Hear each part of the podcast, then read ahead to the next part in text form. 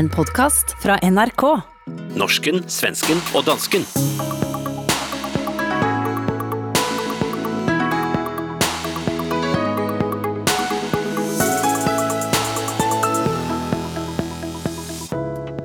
En danske vil brænde koraner i Malmö, en MeToo-trønder vil tilbage i norsk politik, og en svensk MeToo-aktivist vil gi ut bok til trods for at hun risikerer fængselsstraf.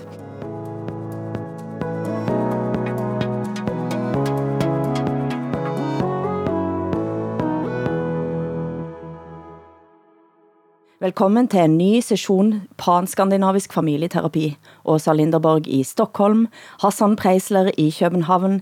Mitt namn är Hilde Sandvik på Chesselongen i Bergen. Men før vi starter på ukens händelser, är det noe dere har tänkt på siden forrige uke også? Du blev jo ikke profet i eget land, men eh, det har skett noe i dine gode naboer i den forrige uke nå.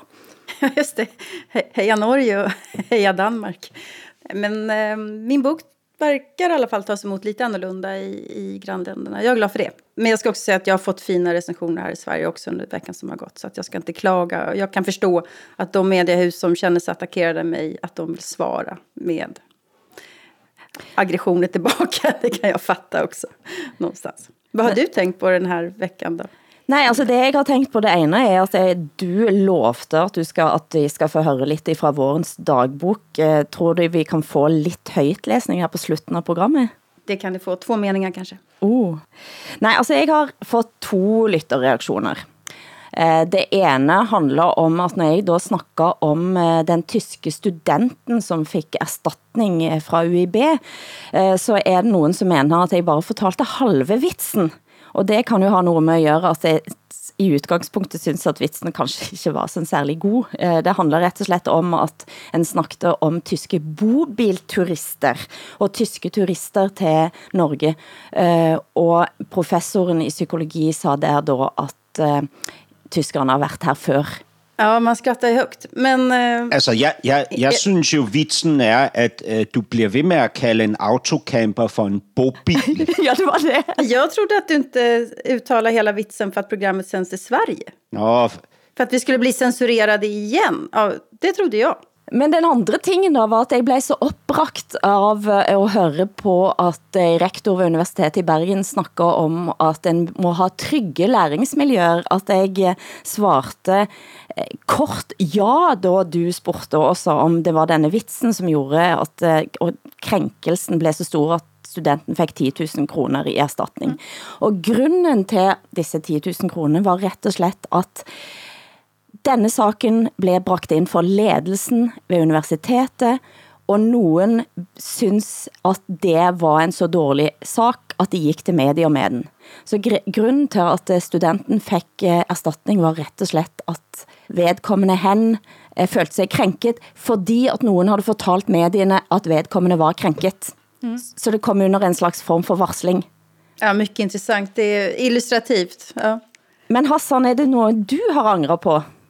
Øh, altså, vi startede jo sidste uge med at tale om denne her sag i Danmark, som øh, er, en, er en pensionssag. Altså det danske socialdemokrati har jo brugt denne her figur, øh, der hedder Arne, som er en slagteriarbejder, som billede på det her menneske, som skal understøttes, bæres af samfundet og beskyttes, fordi han har øh, offret sig for vores fællesskabs skyld og båret den tunge byrde af vores samfund på sine skuldre. Men det viser sig jo nu, at det som Socialdemokratiet kalder et nybrud, i virkeligheden er en meget, meget lille og snæver pensionsordning, som kommer meget få mennesker til gode i meget kort tid med meget få penge. Og mange af de mennesker, der var blevet stillet i udsigt, at de kunne nyde godt af den samme pension, det gælder for eksempel frisører, sygeplejersker, lærere, socialpædagoger, de er ikke med. Og det handler jo om, at Socialdemokratiet gerne vil generobre denne her klassiske arbejder, øh, som øh, som person, der skal ud og stemme, fordi han har gennem årene forladt Socialdemokratiet til fordel for Venstre og især Dansk Folkeparti. Ikke? Og det er jo ham, de ligesom omfavner nu. Det er jo ham, de gerne vil have tilbage i folden. Og det er jo derfor, de udsender det her meget, meget tydlig signal. Det är alltid så, så svårt med alla nya pensionssystem för att det är så mycket teknikaliteter och det är, liksom, det är väldigt, väldigt svårt att förstå hur de egentligen ska fungera. Men jag funderar på den här debatten i Danmark som ni har om Arne och Erne. Eh, de som reagerar, alltså väldigt många inom medelklassen som reagerar, det finns någon form av klassförakt i den här reaktionen ja, också. Alltså, men, jag... men det är någonting annat ifall det är så att den här pensionsreformen inte är så, så stor och omfattande som Socialdemokraterna påstår. Då är det ju ett problem skulle jag säga. Ja, men, men, det, men jag tycker det är fantastiskt att, att politiken för första gången på fan 30 år kommer med reformer som faktiskt riktar sig till de som har jobbat allra hårdast med sina kroppar. Som jo. inte klarar av att jobba till de är fullpensionärer. Men samlet, se, så är det här ju en ordning som blir mikroskopisk fordi Socialdemokratiet hen over årene har tilsluttet sig at folkepensionsalderen skal stige og stige og stige og stige. Og det er derfor, at man får sådan en fornemmelse af, at det er falsk markedsføring. Og min foragt retter sig ikke mod Arne og Anne og de andre fra arbejderklassen overhovedet ikke. Min foragt retter sig mod de her arbejderister, altså alle de akademikere, der sidder i det her socialdemokrati og lader som om, at de er bannerfører. Altså de er Florence Nightingale for de her arbetarna som, som er slidt ned. Ikke? Det er der, min foragt retter sig hen. Men jeg lurer jo på din egen mediestrategi, Hassan. Eh, du eh, dukka op i danske Se Hør eh, i denne uken under titlen. Kan du, kan du sige titlen højt selv? Radiovært scorer ung skønhed. Og det var deg? Jeg fik et chok, da det er min debut i Se og Hør. Og øh, hvis jeg skal være helt ærlig, så, så blev jeg også lidt stolt fordi jeg tænkte, nu er jeg jo, så er jeg jo rigtig kendt. Altså hvis, hvis jeg kan dukke op i i det blad, så er jeg jo ikke kun kendt i, i, i det kulturelle segment, men ude i den brede befolkning. Det er jo det, fantastisk. Det jeg la mærke til det, bortsett fra at jeg tænker, det er ytterst dansk eh, at sige, at man at en, som man skårer en skønhed, men det kan jeg la ligge akkurat her og nu. Men ja. det står nemlig i den artiklen, at du har gått under radaren. Det jeg vil da opfordre Se og Hør-læsere til at høre på norsken, svensken og dansken og se og hør journalisterne også. Du hører norsken, svensken og dansken i SR, DR og NRK.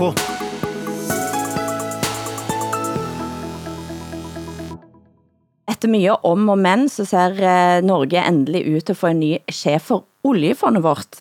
Hedgefondmilliardær, eller i alle fall tidligere hedgefondmilliardær Nikolaj Tangen, sa fra sig hele formuen sin på 5 milliarder og placerede den i fond til gode formål. Og sådan hørtes det ut, da han annonserte denne beslutningen efter kraftig press fra Stortinget og etter hvert regeringen i forrige uke. Budskapet er mottaget. Man lytter når en finansminister formidler en besked fra et samlet storting. Og Jeg har derfor i dag meddelt hovedstyret at jeg gjør to vesentlige endringer i min personlige økonomi. For det første vil jeg gi bort min eierandel i Aco Capital til den veldedige stiftelsen Aco Foundation. Nå gir jeg bort alt. Eierskapet vil jeg aldri kunne få tilbake. Og det innebærer at jeg verken nå eller i fremtiden har noen eierinteresser i Aco Capital. Alle bånd er brutt. Ikke bare for en femårsperiode, men for alltid. Jeg gir fra meg det som har vært livsverket nå, livsverket frem til nå, og ser i stedet fremover. Dette har vært en av de største krisene i norsk politik de siste månedene, men det virker ikke til å ha interessert svenske og danske medier nevneverdig. Jeg fant en notis på dansk TV2, en kommentar fra norske Jon Hustad i Vikenavisen. Men hvorfor når ikke dette over grensene? Men vi hatar er olja i Sverige. Vi hatar den. Vi, vi vill inte snacka om den, vi låtsas inte om den. Eh, så vi, vi bryr oss faktiskt inte. Men jag tycker det är en fantastisk historia. En av Norges absolut rikaste män vill verkligen ha det här jobbet. Han ser vad guttedrömmen. Guttedrömmen. Ja, det är guttedrömmen. Ja, men Men jag undrar ändå, vem är det som utser honom? Alltså mm. hur går beslutsordningen till? För jag trodde att det var regeringen eller Stortinget, men det är tydligen det som på svenska skulle heta då centralbanken, mm. eller eh, alltså Riksbanken. Det är Riksbanken, är det ja. Det är Riksbanken. Det är ett enormt viktigt beslut mm. eh, som alltså då ligger utanför de demokratiska församlingarna. Det tycker jag är rätt anmärkningsvärt. Och det som skedde här var ju att centralbankchefen utsatte eh, Nikolaj Tangen som eh, ny oljefondschef så begynte man at grave i hvad dette var. Det viste sig at man, han hade også selskab med placeringar på, på, på, i skatteparadiser, og storting og regering gik, gik etter hvert i sømmene og stilte frågan hvem er det som egentlig kan instruere centralbanken i dette? Jeg syns jo det er lidt fascinerende at Nikolaj Tangen står her på talerstolen og siger, at når en finansminister, når centralbanksjefen og stortinget står bak, da lytter jeg jeg lurer på, jeg lurer på vad det säger om hans evne til at lytte på andre, om man må ha nästa gång og kongen i statsråd. Eh, men det blir en diskussion dette nu om, om nettopp den, eh, altså hvor skal, hvor skal av oljefondschefen egentlig ligge? Hvor ska ansvaret ligge? Men vad har han för meriter mer än att han är väldigt rik? Alltså det är ungefär, jag får, jag får de här vibbarna från när finanskrisen 2008 och Obama skulle lösa den och så tar han in de fetaste katterna från Wall Street mm. eh, och ska lösa det och det gick ganska dåligt. Men jag, det kanske är dumt av mig att säga så om Nikolaj Tang, men jag skulle vilja veta vad är det han vad har han för um, professionella meriter? Alltså han ska vara en ytterst dyktig eh, forvalter, en fondsforvalter. Okay. Uh, og han, noe av det som har været det mest specielle med han er at han, eh, han har haft en uttalt tanke og idé om at være filantrop da. Uh, og, og, og, og skabt altså splittelser i Kristiansand med at bygge en stor ny kunstsilo. Sant? Men jeg må jo indrømme at jeg tænker, altså, hvilke type embedspersoner skal vi ha? Ska vi ha briljanta och flashy genier, eller ska vi ha kedliga grå eminenser? Eh, vad ville det ha varit i Danmark? Hassan? Eh, det, det är svårt. Vi har ju verkligen vår egna embedsmandssager lige för tiden här i Danmark, som vi måske vänder tillbaka till senare i det här programmet du, du, du spurgte indledningsvis, hvorfor vi i Danmark og Sverige ikke forholder os til det her. Åsa svarer på svenskernes vegne, at det er fordi, de hader de norske øh, oliemilliarder. Øh, for os i Danmark, så tror jeg, det handler om, at vi simpelthen ikke forstår det her. Mm. Altså med sådan en enkel, ja, en enkel ressource, som har så stor inflytelse på øh, hela øh, øh, nationen och kulturen øh, och det politiska systemet. Ikke? Vi, vi har vi har en, en enkelt resurs i Danmark, øh, som man måske kunde dra en parallell till, och det är ju vårt svin, vi, vi, har, vi har jo virkelig mange svin, men vi har jo ikke nogen national svinefond. Og det er jo ikke sådan, at en hver dansker går rundt med en drengedrøm om at blive direktør for den nationale svinefond. Altså, i, i, i, Danmark, i Danmark, der vil man gerne som dreng være brandmand, eller pølsemand, eller politimand. Øh, det er ikke sikkert, at de her ord kommer til at øh, lyde øh, sådan her i fremtiden, så nu vil jeg lige sige dem igen. Brandmand, politimand, jeg hørte det, jeg sa ingenting. Pølse, mand. Men altså, det er noget med størrelsen her også. I fjor passerte oljefondet 10 000 milliarder kroner for første gang. Uff. Ofattbara, ofattbara siffror. Men Hassan har ju naturligtvis helt rätt. I Sverige så förstår vi inte heller eh, riktigt eh, proportionerna på den här oljan. Men i Sverige vill man ha eh, för exempel Anders Tegnell som eh, ledare av oljefondet. det, det låter jätteotäckt. Men eh, han vinglar så mycket framåt bak. Men nej, men jag tänker svaret på frågan om man vill ha en grå eminens eller en flashig människa med lackskor. Det är väl eh, hela välfärdsstaten. Eller när liksom nordiska samhällena var som starkast så var det de grå eminenserna ofta män, men, men fler kvinnor än vi tror som, som gjorde det där. Och eh, jag, jag tror ju på den vägen faktiskt. Men då kan jag eh, bringa in västlandsk visdom. Ute i öarna här utanför Bergen eh, så är där eh, alltså fiskemiljardärer eh, som lever högt på det, men som alltså är, har denne vestnorske eh, mentaliteten i bunden ennå. En av de har sagt, han sier, jeg sier det først på dialekt nå, så kan jeg oversette. Da går oppover i tresko og nedover i lakksko, sier han. Det betyder, det går oppover i tresko og nedover i lakksko, og spørsmålet er, har vi nå ansatt lakskoene inn i oljefondet? Ja, det är väl en ganska tidstypisk eh, utvikling utveckling det där skulle jag säga. Att, att det är de där männen som liksom ska styra också. Det, det, är ett, alltså det måste vara en väldigt politisk eh, institution egentligen. Fonden. Alltså den, det är så mycket som hänger på den där fonden så jag, jag tycker det är intressant. Det är så mycket som hänger på det att jag blir nervös. Mm, jag förstår det. I sommer satte et drap Bornholm fyr på rasismedebatten. Her er et klip fra orientering på DR 9. juli. Og velkommen også til min første gæst, nemlig Roger Coraz Mathisen, talsperson for organisationen Afro-Danish Collective og tidligere medlem af Folketinget for Alternativ. Du var blandt de mange, både organisationer og enkeltpersoner, som reagerede voldsomt på politiets afvisning af, at der var tale om racisme i forbindelse med drabet på Bornholm. Hvad var det, du reagerede på? Ja, altså for det første, så synes jeg, det var voldsomt øh, det mor, der er sket jo. Det, det, det var det virkelig voldsomt. Og så synes jeg, at det var meget betænksomt, at politiet efter halvandet døgn øh, simpelthen afviser, at der kan være racisme indblandet øh, i, i det her drab. Og det synes jeg simpelthen ikke er troværdigt. Mm-hmm. Hvorfor ikke det? Fordi at øh, politiet har fået for lukket døre fire uger til at efterforske det her øh, vanvittigt bestialske drab. Øh, og det, det vælger de så ikke at bruge fire uger på. Øh, men udelukker racisme allerede efter halvandet døgn. Fortæl, altså bakgrund, bagtæppe her er... Altså bag, bagtæppet er, at en 28-årig sort mand, altså med afrikansk, øh, med en mor, der har en afrikansk baggrund, øh, bliver tæsket ihjel af to brødre i en skov med træstykker og knytnæveslag. Øh, de to brødre har erkendt at stå bag volden. Øh, de siger dog, at de ikke var ude på at slå ham ihjel. De to brødre fortæller, at grunden til, at de har overfaldet den 28-årige mand, er, at han har været seksuelt grænseoverskridende over for deres mor, og at han har voldtaget dem, og det på den måde er en straf, straffeekspedition eller en hævn, et hævntogt, de har været ude på. Det er i hvert fald sådan, de forklarer sig til politiet, og det er måske derfor, politiet har udelukket det her. Ikke?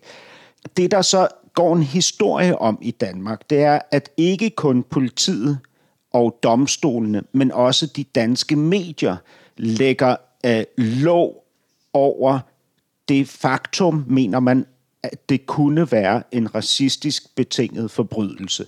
Altså, der er øh, øh, forskellige mennesker og interessegrupper fremme og sige, også ret prominente øh, mennesker som forfatteren Carsten Jensen og sige, at vi i Danmark har en, et strukturelt problem, som gør, at vi hver gang undertrykker det, når der forekommer racistiske overgreb. Det er, det er så den fortælling, og det er de diskussioner, der kolliderer lige nu. Mm.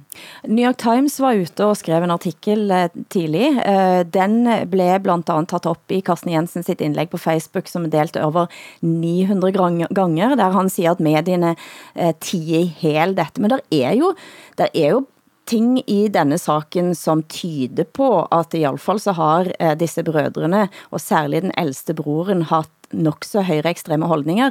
Han skal bli vist ut av en fest Eh, med stram kurs, altså det ytterliggående partiet til Rasmus Paludan, eh, for at ha tatovert en, et hakekors eh, på benet. Og de har flere anledninger, siger mange vittner, komme med nok så rasistiske uttalelser. Mm. Er, det ikke da, er det ikke da helt naturligt, at man linker og drapet til denne type holdninger? Jo, det, det, det, altså det, jo, det kan man måske sige. Altså det er jo ikke, hvad hedder det, jeg går ikke ud fra, at det her er bevis på, at det er et ra- racistisk motiveret drab, at denne her bror øh, har et, øh, et hagekors på sin arm. Altså en af, en af offrets bedste venner, øh, Tobi, Tobias, forklarer, at han er voldsomt vred. Han er rasende på de her to brødre, der har slået hans ven ihjel. Men han siger samtidig, at det simpelthen ikke passer, at det er et racistisk overgreb. Han er ikke blevet, blevet slået ihjel, fordi han var mørk i huden. Han var ven med de to brødre, der slog ham ihjel. Han kan så ikke komme, den her fyr, kan så ikke, han, hans gode ven, kan ikke komme med et bud på, hvorfor han er blevet slået ihjel, fordi han tror heller ikke på historien om, at han skulle have voldtaget äh, deres mor. Jag funderar, øh, alltså det är ett brutalt mord och man skulle ju naturligtvis vilja höra vad mamman har att berätta om det här, om, om om hon har blivit våldtagen och så vidare. Men alldeles oavsett så får man inte slå ihjäl någon mm. för det.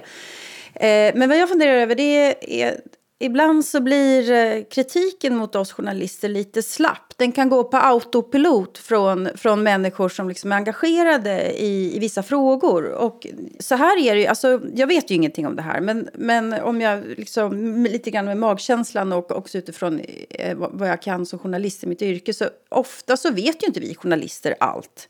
Eh, och det blir ganska konstigt om, vi, om, om journalister skulle spekulera i att det här måste vara ett rasistiskt mord. Eh, om vi inte har bilden klar för oss. Ibland är det så att vi vet mer än vi kan skriva. Det är nog nästan det vanligare. Och vi kan inte skriva av etiska skäl eller sådär. Och eh, det är ganska lätt att komma utifrån och säga hur journalister ska sköta sitt jobb. Men, men eh, det är inte alltid liksom möjligt faktiskt att skriva på något annat sätt än, än vi gör. Men detta, detta går ju också in i debatten om eh, är vi rasister eller inte. Eh, det kom ut en bok i Danmark i 2012, Är danskarna rasister av Henning Beck och Mehmet eh, Omit Nesef, som diskuterade den gången forskning runt rasism. Och de pekar på att väldigt ofta så, så ligger det en föreställning om att man, man tar utgangspunkt i att det ligger en rasistisk hållning och så börjar man att plocka, gå ner i sakerna, så finns det väldigt många andra motivationer. Jag läste den gode artikeln i Settland Zetland om denna saken här, och eh, man får ju många historier parallellt. Man får historier om, eh, om våld, om psykiska problem, om ett litet samfund, om rus, Altså det er mange ganske tunge tematikker ind i en fortælling, og det siger nogle ting også om hvor grumsete farvann vi egentlig bevæger os ind i. Mm. Historier er, er mye mer komplekse. Mm. Absolut. For mig så bliver det her fuldstændig gakket, når, når det ligesom eleverer sig. Ikke? Fordi vi kan jo godt tale om, at der i systemer og i individer kan være en bias mod noget. Ikke? Selvfølgelig kan man, kan man arbejde med at undersøge det. Det er jo relevant. Altså, selvfølgelig er det det, fordi vores domstol og vores politi skal være upartisk. Ikke? Og vi skal have et system, som er retfærdigt. Så den, den side af det er jeg sådan set med på, at vi undersøger det her. Men hver gang vi hopper over i det her med, at der skulle være, at der er en strukturel racisme indbygget i vores institutioner, mm. så er det, jeg står af, fordi jeg har simpelthen aldrig nogensinde oplevet det der. Og endnu mere tosset, så bliver det, når vi taler om, at tidsånden eller folkesjælen i Danmark er øh, racistisk. Ikke? Fordi det er, øh, det er konspirationsteori, det er vanvidsspekulationer, som er sådan helt inde i analysen af noget, altså en indre øh, individ, individuel og kollektiv dæmon, ikke? som vi alle sammen ligesom skulle være båret frem af. Der kan jeg ikke være med. Sissi Wallin outa en journalist som voldtektsmann på Instagram og blev dømt for ærekrenkelser. Nå ger hun ut bok som kan ge en ny dom. Hur ser du på risken att dömas till fängelse för den här boken? Ja, det, det finns ju en risk såklart. Men då får jag väl ta den. Alltså har jag, ju, har jag påbörjat den här resan eh, att stå upp för yttrandefriheten och stå upp för mig själv och min berättelse så får jag ju, kan jag ju inte vika ner. Jag är kritisk till hur eh, lagen har tillämpats i Sverige. Framförallt sen metoo hände hösten 2017. Att vi har haft en våg av eh, domar, rättsprocesser och domar mot kvinnor som är helt ostraffade sen tidigare som eh, då stäms av staten för att ha nyttjat sin grundlagsskyddade yttrandefrihet. Her hørte vi Sissi Wallin på Kulturnyhetene på SVT. Åsa, du har fulgt denne saken tett. Og hvad er det Sissi Wallin siger at hun vil opnå? Det är väl någon slags, eh, vad hon menar, eh, upprättelse för eh, det som hon menar är sanningen om vad som hände den där natten mellan henne och Fredrik Virtanen. Hon anklagade honom för, för eh, våldtäkt för flera år sedan och det var så metoo började i Sverige. Eh, och sen så eh, dömdes hon för förtal. Men det här visar ju hur, hur metoo-aktivisterna ser på metoo som en revolution. Det vill säga som någonting som faktiskt ska stå över lagen och där man har rätt att bryta eh, den lagstiftning som vi faktiskt har. För det är klart att hon kan säga att det här tillhör hennes yttrandefrihet men yttrandefriheten har faktiskt en gräns eh, även i Sverige och det, den innebär bland annat förtal. Man får inte säga vad som helst om, om andra människor. Det är alltså förtal, det är ärekränkelse. Ärekränkelse på, på norska och danska. Och eh, hon är alltså dömd redan till böter och och skulle det vara så att man bedömer att den här boken också kommer med förtal så, så är faktiskt nästa steg fängelse. Det jag tycker är lite spännande med den här boken då, det är ju att vi i Sverige har, vi har den här lite märkliga uppdelningen att man kan säga en sak i en bok, men eh, alltså man är friare att säga en sak i en bok än man är att säga i, i medierna.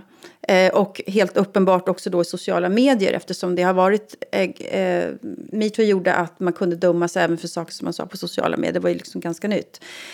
I, I det som kallas för skönlitteratur så är man friare faktiskt att säga saker. Och hon nämner inte, jag har läst den här boken, hon la först ut den på Flashback nämligen. Och eh, hon nämner inte Fredrik Virtanens namn, men det är honom det handlar om, det är helt uppenbart. Och hon upprepar alltså anklagelserna där. Han är inte dömd för någonting, så att visst är det spännande. Men hun siger denne sendingen, eh, et annet klipp, at eh, det, når det er særlig mektige mænd, som har forbrudt sig, så kan man ikke forholde sig til loven, om jeg tolker henne rätt. Er, var Fredrik Virtan en mäktig man? Kan en stille spørgsmål men, eh, men vad betyder det egentligen? Ja, men alltså, jag tror Cissi Wallin fattar inte att alla ska vara lika inför lagen. Det var någonting som, som vi kom underfund med under franska revolutionen, att alla ska vara lika in, inför lagen. Och det är en ganska viktig princip. Det spelar ingen roll eh, om du är mäktig eller inte. Och sen kommer då nästa fråga, är Virtanen mäktig eller inte? Mm. Eh, och helt uppenbart finns det inget allmänintresse, menar svensk lagstiftning i alla fall, att man ska på, kunna påstå vad som helst om honom. Alltså, sa, samtidigt så syns jag ju gott att man kan tala om, att det finns mäktiga män som begår maktmissbruk. Ikke? De finns, äh, øh, vi vet vem de är, oss som är tätt på dem, men vi gør ikke noget. Ikke?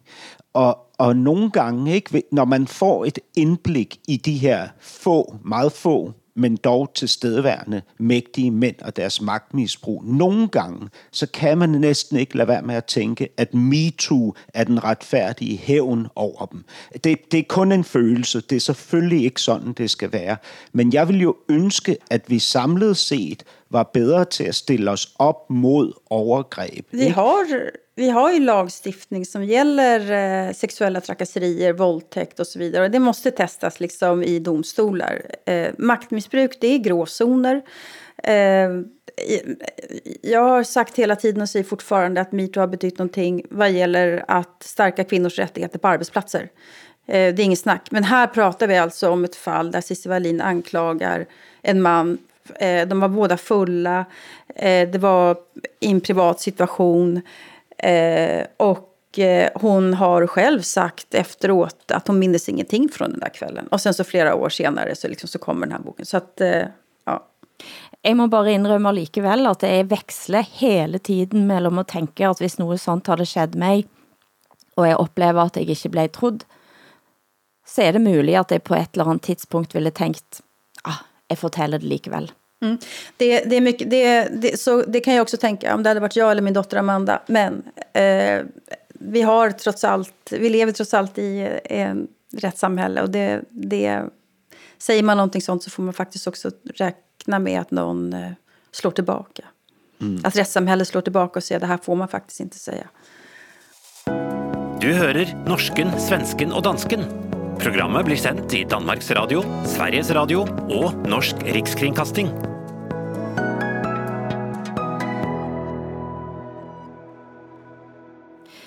Danske Rasmus Paludan får ikke længere opmærksomhed i Danmark og skaffer sig tillåtelse til at brænde koraner i Sverige i stedet. Nærmere bestemt utenfor en moské i Malmö. Her er et klip fra Expressen TV.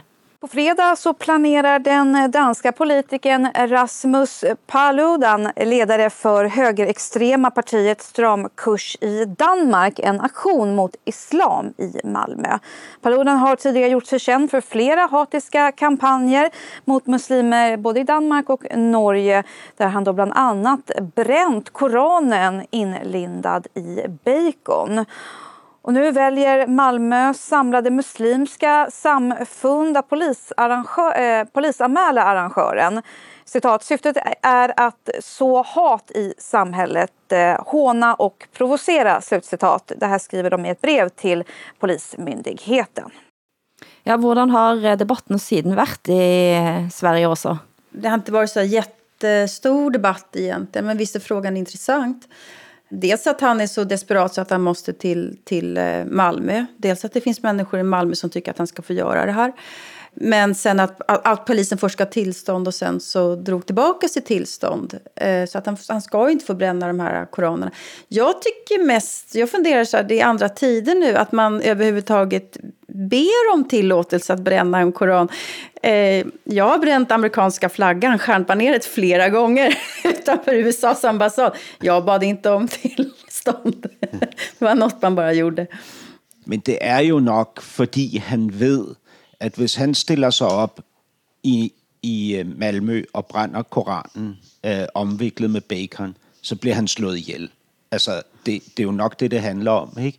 Og med alt respekt, Åsa, så var der ikke nogen risiko for dig dengang i Nej, øh, 80'erne eller 80-tallet, hvor du brændte Nej. det amerikanske flag eh, sammen med dine marxistiske vänner. Ja, jag, var, jag var mest rädd att jag skulle ta eld själv faktiskt. ja. jeg, jeg har aldrig brændt noget, men jeg kan huske, min far fortalte historien om, øhm, da han var ung, og øh, John Lennon øh, gik ud og sagde, at Beatles var større end Jesus, så var der jo rigtig mange mennesker øh, jorden over, som købte Beatles-plader for at brænde dem. Mm. Øh, og tilsvarende så var det jo sådan, at øh, nogle helt andre mennesker, altså den her gruppe, som min far tilhørte, hippierne, de øh, brændte jo så Cat Stevens-plader på det tidspunkt, hvor han konverterede til islam og ændrede navn til netop Yusuf Islam. Fortfarande en väldigt bra musiker. Men altså, det som varken fantes i den tiden, Hassan, da din far var hippie, eller mens du drev og brant amerikanske flagg, Åsa, var sociala medier. Eh, och när Rasmus Paludan går och bränner Koranen, eller har disse stuntene, som han har haft på Nørrebro, så är det en grund, fordi han filmer till sin egen YouTube-kanal. Eh, og det jeg lurer på, Hassan, er fordi at jeg, jeg siste vitnesbyrd jeg hørte for en sånn eh, koranbrenning i København, eh, så stod han ganske der alene. Han hadde beskyttelse fra politiet, og de stod der og kastede rundt på denne koranen, og ingen brydde sig. Eh, og, og jeg må indrømme at jeg elsker den reaktionen, at den ikke stiller op som statister til denne type rett og slett provokation, da. Uh, og vi havde, nå i helgen så havde vi et frygtelig eksempel på hvor galt det kan gå i Bergen. Da vår egne Rasmus Paludan, eh, Stopp islamiseringen av Norge, hade altså uh, sagt de skulle demonstrere midt i Bergen centrum.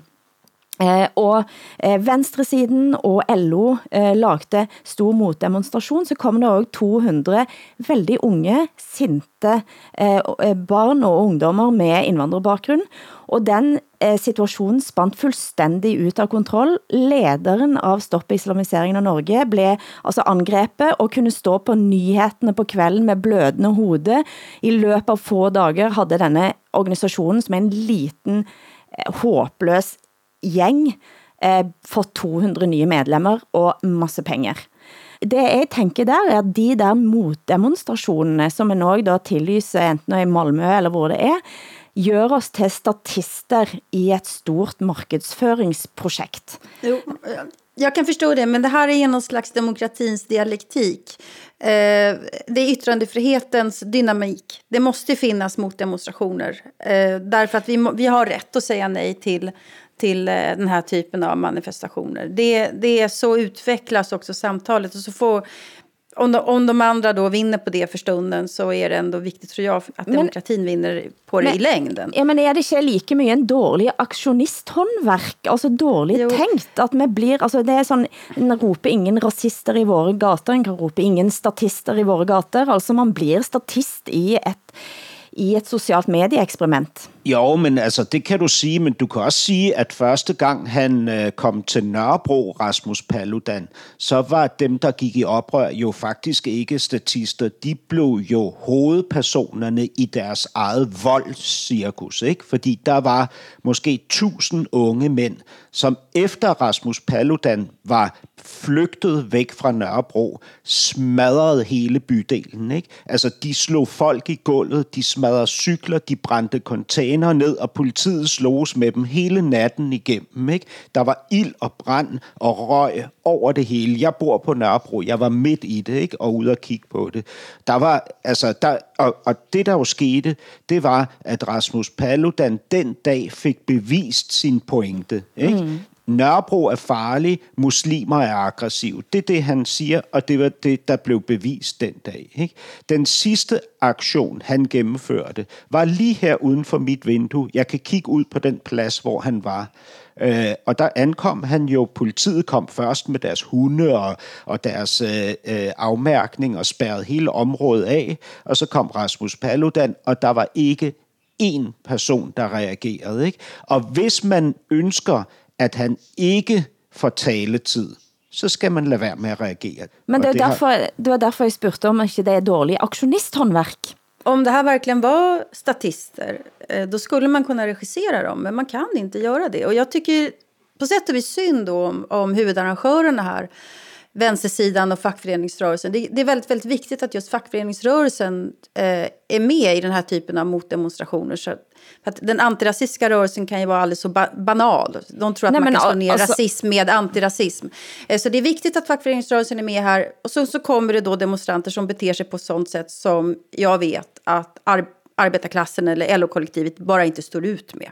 Så är det. Och det, och det är synd, men just för att det inte är statister så kan man inte regissera dem. Jeg skulle ønske heller der at venstresiden eh, satte sig ned og snakkede med de ungdommene på forhånd. De var svært unge. Altså man kunne ha satt sig ned og diskutert og fortalt hvem hur, sidan är. Hur, skulle ett sånt möte gå till? Alltså var, var hittar man dem? Vem pratar man med?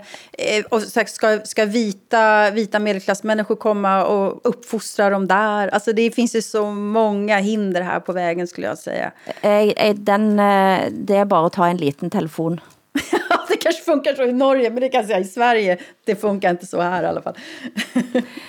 Denne uken blev det känt att Trond Giske, tidigare nästledare i AP, som rök ut med MeToo, försöker sig nå på ett comeback i Arbeiderpartiet. Men för våra svenska och danska lyttere, här en kort förklaring på varför detta skapar reaktioner från Dagbladets podd Rätt på.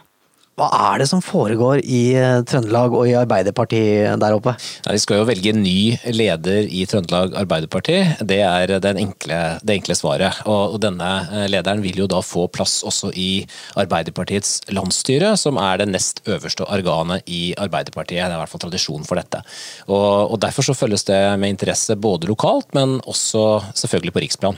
Så hvis Trond Giske nå blir valgt på lørdag, så skal han inn og være med å bestemme politikken til Arbeiderpartiet og alle disse tingene? Ja, da vil han bli en av eh, de som har mest innflytelse over Arbeiderpartiets politikk framover. Det er vel riktig å si. Dette må jo være en tung dag for Jonas Gahr Støre og Hadia Tajik? Jeg vet ikke om du får den bekreftelsen åpent, eh, Nikolai, men eh, det er vel grunn til å tro at det hadde blitt mye mindre bråk internt i Arbeiderpartiet dersom Trøndelag Arbeiderparti hadde valgt en annen leder. Det tror jeg er helt riktig å si. Flere har varslet at de nå vil melde seg ut. Her er et utdrag fra Politisk kvarter tidligere denne uken. Vi begynner med deg, Ellen Reitan. Du var AUF-leder i Trondheim og medlem av bystyret. Og I går skrev du en kronikk i Trønderdebatt som vekte oppsikt. Der skrev du Jeg burde sagt fra da jeg var 17 og 20 og 23, men du sier fra nå. Hva konkret er det du vil si fra om?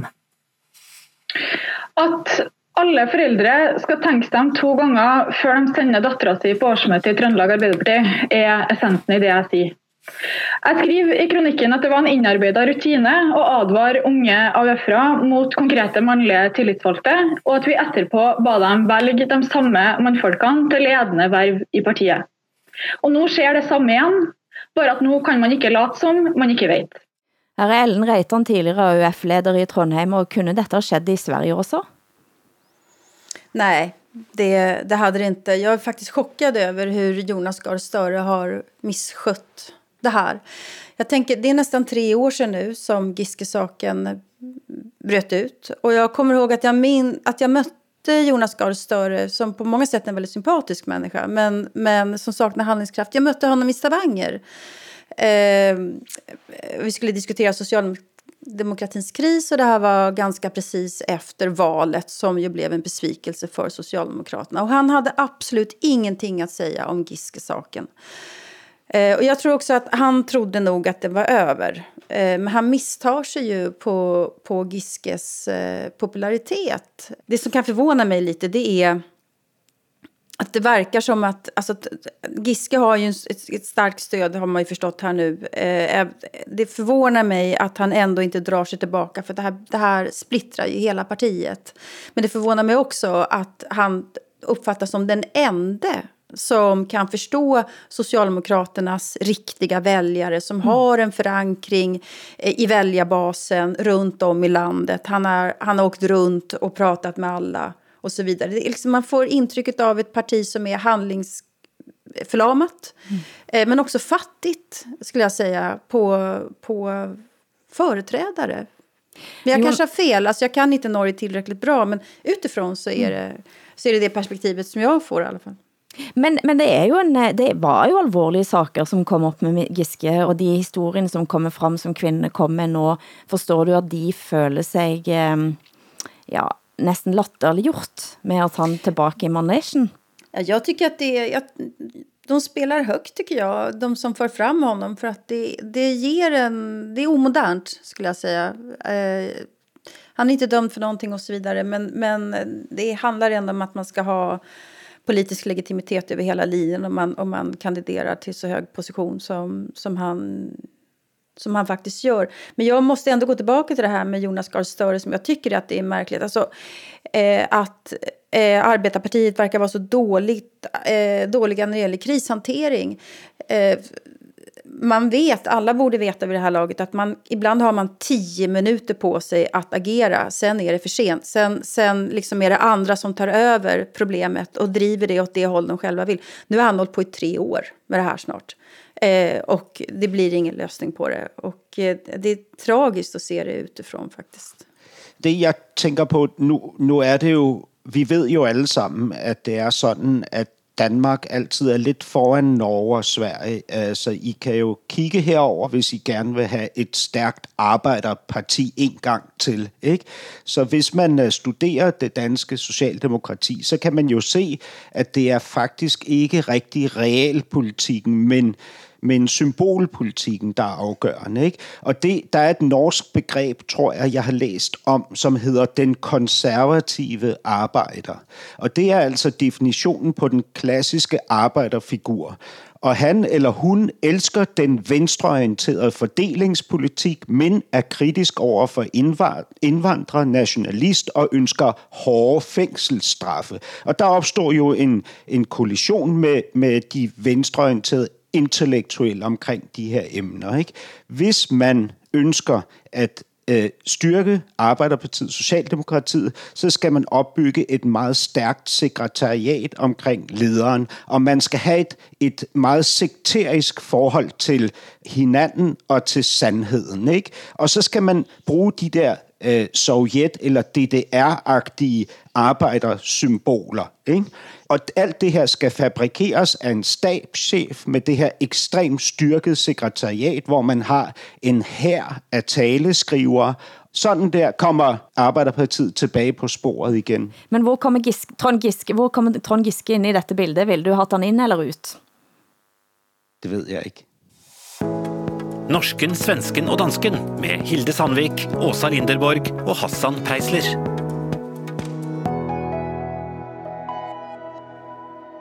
Rasmus Paludan ville kanskje ikke ha våget ta turen til Göteborg.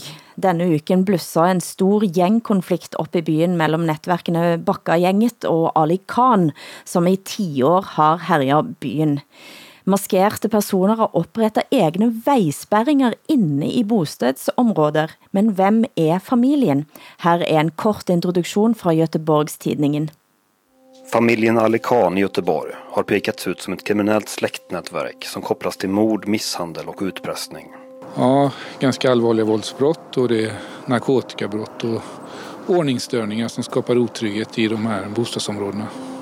GT kan nu avslöja att Göteborgs stad och svenska staten under flera år gett hundratusentals kronor i bidrag till släktens förening där familjeledaren Hashem Ali Khan är ordförande. Göteborgs stad har genom sitt kunskapscentrum mot organiserad brottslighet sagt sig vilja försvåra för kriminella gäng i samarbete med exempelvis polisen, Skatteverket och Ekobrottsmyndigheten. Men under 12 år, mellan 2000 och 2012, fick föreningen närmare 860 000 kronor i främst lokalbidrag från idrotts- och föreningsförvaltningen i Göteborg. Journalisten eh, Johanna Bäckström Lerneby har skrevet reportageboken Familjen om den ene parten her, altså slægten Ali Khan. Eh, og hun siger, de lever i förvissningen at släkten og familien går føre alt. Det er familien og inte staten som vil, ge dig, som vil dig vel, siger hun. Hvordan kunne det ske midt i det statsfokuserade Sverige også? Oj, gud, den frågan är för stor för mig att svara på. Jag är inte sociolog och inte kriminolog, men eh, ja, det, det är jätte, jättesvårt. Men jag ska också säga att det här är ju eh, alltså en av de största politiska maktfaktorerna vi har i Sverige. Det är ju familjen eh, Khan. Därför att allt de gör får politiska konsekvenser så fort de gör någonting så, så kommer högeroppositionen ut och säger att vi måste ha hårdare straff och bla bla bla. Eh, och detta sker alltså samtidigt som Socialdemokraterna börjar tappa nu i opinionsundersökningarna. Så allt de gör blir politik. Och när de sätter vägspärringar mitt inne i byn så är det ju ett väldigt starkt symbol mer än symboliskt skulle jag säga. De, de, de, vill ju, de sätter upp de här vägspärrarna därför att de vill se att polisen inte kan ta sig fram och tillbaka eller att rätt person åker in och ut och så. Det, det är ju en, det är inte bara en symbol, för det är en otrolig maktdemonstration eh, som de håller på med. Ehm, samtidigt så tycker jag att det är intressant att i, i Johannas bok Familjen, som jag ju också har läst, som väldigt många har läst, så säger polisen där att det är inte i första hand mer resurser vi behöver ha utan ska man komma till rätta med det här så krävs det samhälleliga insatser på en helt annan nivå, nämligen att man Eh, bygger en annan sorts bostadsområden, att man satsar på skolan för de här eh, unga, att det finns arbeten med lön att leva på och så vidare. Så att det, det är liksom, de eftersträvar och efterfrågar stora socialreformatoriska insatser. Allt det som polisen själva inte kan göra. Så det behövs ju någonting mer än bara strängare straff. Eh, det behövs ju liksom en vision om hur vi ska göra. Hassan, der har, också en slags Ali Khan-familj i Danmark. Ja, bortset fra at den ikke hedder Ali Khan, men Khan. Øh, altså, det, det er jo meget interessant det her. Jeg, øh, min, min far er, som I ved, fra Pakistan, og jeg har selv boet øh, 5-6 år i Mellemøsten. Så jeg har jo oplevet, hvor, hvor stærkt øh, et, et, øh, et greb om ens hjerte, familien kan være. Ikke? Og, og meget symbolsk, så er sønnen i den her danske karnefamilie, han er bandeleder for den, den største bande i Danmark, som netop hedder Loyal to Familia. Ikke? Altså det synes jeg ligesom fortæller hele historien om, hvad det her handler om i virkeligheden. Ikke? Faren øh, er ikke Øh, nødvendigvis kriminel. Han er tidligere kommunalpolitiker. Han har i løbet af sine 16 år skiftet parti fire gange. Øh, han har kørt øh, en borgmästarkandidatkampanj borgmesterkandidatkampagne i Pakistan samtidig. Han har kørt valtaxa for den tidligere statsminister Anders Fogh Rasmussen. Så har han været anklaget for vold og blevet sat i forbindelse med Hizb ut-Tahrir. Og det er altså hans søn, der nu er uh, dømt og udvist af Danmark for sine bandeaktiviteter og for trusler mod en øh, politimand. Nej, og dette forholdet mellem stat og klan er jo hyre interessant. Eh, den svenske Per Brinkemo har skrevet bøker om, eh, om at eh, man så let tror at folk kan komme fra klansamfundet rett over i de skandinaviske velfærdsmodellene og bare købe at staten skal ta over familiens ansvar. Det är också en fortelling som man nylig har begynt se på i våra välfärdsstater. Mm, nej, men det är riktigt att eh, vi har eh, en massa nya medborgare som har ett annat förhållande till staten. Där de kommer från, från samhällen där staten inte fanns eller där staten var korrupt och där staten inte gick att lita på. Och då blir familjen väldigt, väldigt stark eh, och, får, och får den betydelsen. Men det är en sak. Det är någonting annat att man bedriver maffiaverksamhet. Mm. Det, det är liksom ytterligare någonting annat i det här. Och... Ja, jeg er så jävla trött på det bara. Ja, jeg er også voldsomt træt af det. Altså, jeg, jeg kan ikke beskrive, hvor træt jeg er Nej, af Jeg tycker her... synd om alla som bor i de der samhällena som måste ja, stå ut med det her. Ja, og det, det, det har enorm indflydelse på den her bydel Nørrebro i København, som jeg bor i. Ikke? Altså, det er en daglig påvirkning, øh, som beboerne her i kvarteret er udsat for. Og man er træt af det. Altså, man er så træt af det, ikke? Nok en skandale er under opprulling i det danske forsvaret. Denne så alvorlig at den til og, ble, har, til og med har blivit omtalt i svensk radio. Hør her fra Ekot. Chefen för danska försvarets underrättelsetjänst har fått lämna sin tjänst efter svidande kritik. Bland annat anklagas underrättelsetjänsten för att i åratal mörkat information och brutit mot lagen. Det här liknar något ur en roman av Jan Guillou eller Stig Larsson, twittrar den tidigare folketingsledamoten Pelle Dragstedt från Vänsterpartiet Enhetslisten kring det som ser ut att vara en skandal under uppsegling kring danska försvarets underrättelsetjänst. Och hans partikollega Rosa Lund tycker det är skrämmande. Jamen, det er jo dybt, dybt skræmmende.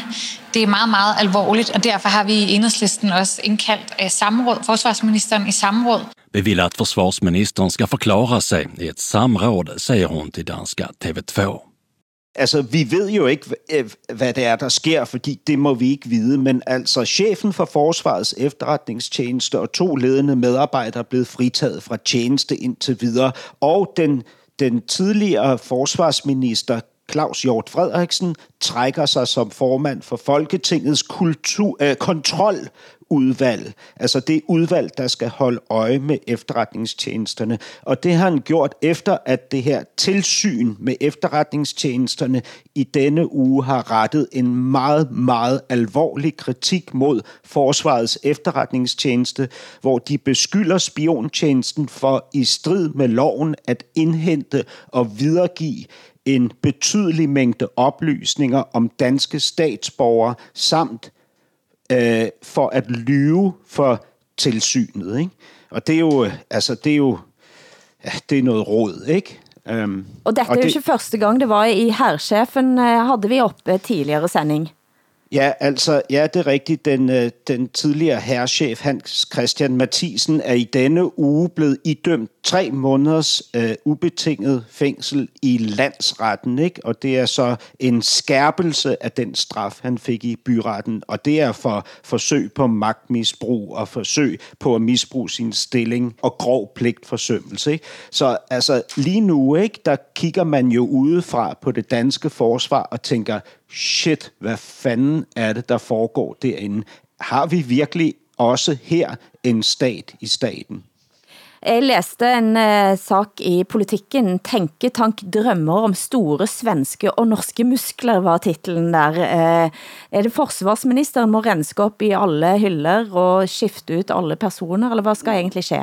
Nej, fordi nu ønsker man jo i Danmark, at det også er de siddende forsvarsministre og selve forsvarsministeriet, som skal ses efter af det her udvalg, der skal nedsættes. Ikke? Altså, vi har jo et tilsyn og et kontroludvalg, der skal holde øje med, med de her hemmelige tjenester og med, med, med forsvaret, hæren og marinen og, og luftvåbnet, men, men altså det, det fungerer åbenbart ikke på den måde, det fungerer i dag. Jeg aner ikke, hvad man gør. Altså, jeg, øh, hvad hedder det, jeg er hippiebarn, jeg er pacifist, ikke? Jeg, har, jeg har stor mistillid til alt, der har med våben at gøre i udgangspunktet, så jeg kan ikke fortælle noget om, hvordan man skal gøre. Jeg er bare lidt uh, forskrækket over, at det kan foregå, det her.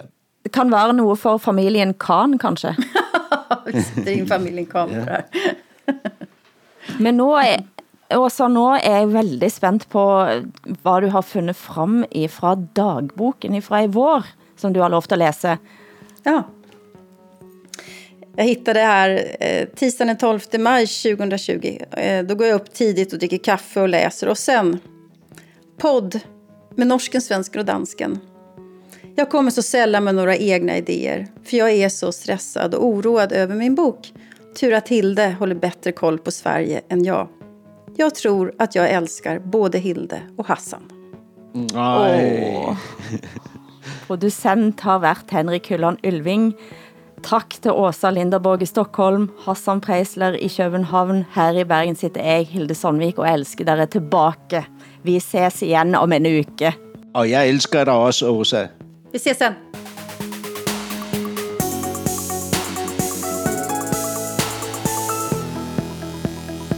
Du har hørt en podcast fra NRK. Hør flere podcaster og din NRK-kanal i appen NRK Radio.